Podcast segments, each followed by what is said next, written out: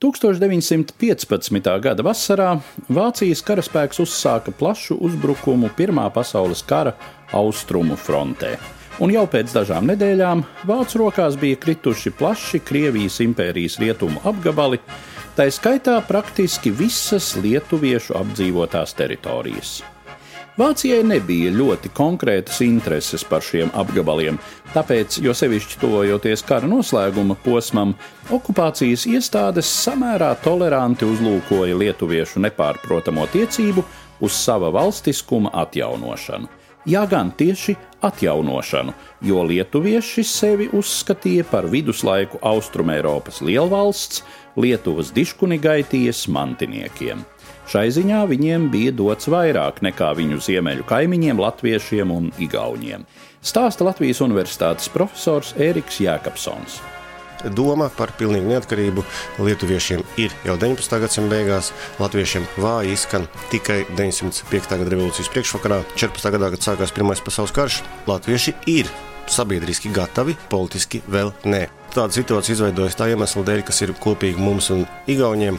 Mums nav bijis savu valstiskumu lietuviešiem. Viņš ir bijis pagātnē, nu jā, nosacīt, protams, nacionālais valstiskums, taču ir šī ideja par Lietuvas biškunīgaitiju, lielkunīgaitiju, kuras latviešiem dabiski nav. Latviešu elite šajā brīdī sāk runāt tikai un vienīgi par autonomiju. Tieši tāpat kā Igauni. Lietuvieši šajā brīdī jau runā diezgan izteikti par savu valstiskumu. 1917. gada septembrī ar vācu okupācijas iestāžu atļauju Viļņā pulcējās Lietuvas neatkarības konferences delegāti pieņēma rezolūciju, kas paredzēja suverēnas Lietuvas valsts izveidi un ievēlēja 20 vīru Lietuvas padomi, kam bija jādarbojas šī mērķa īstenošanai.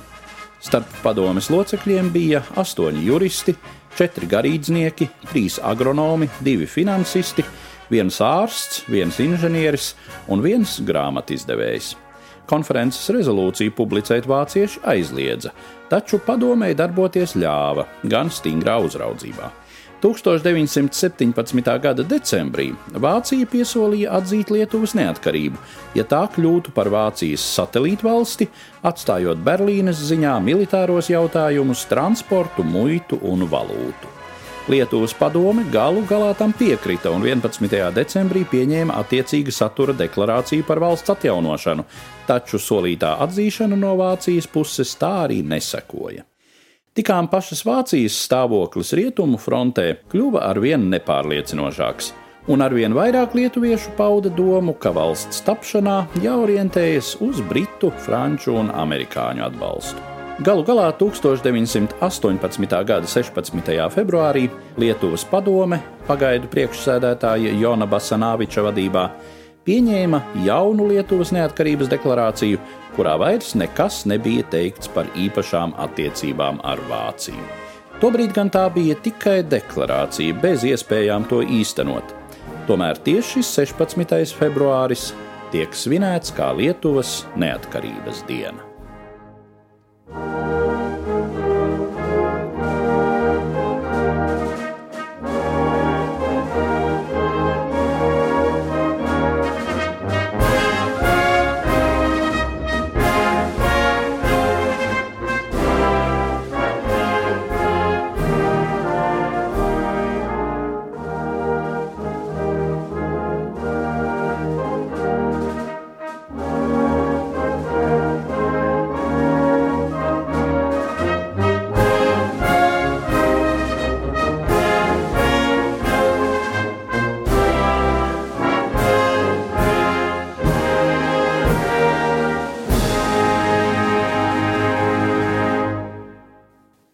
Stāstījumu sagatavoja Eduards Liniņš.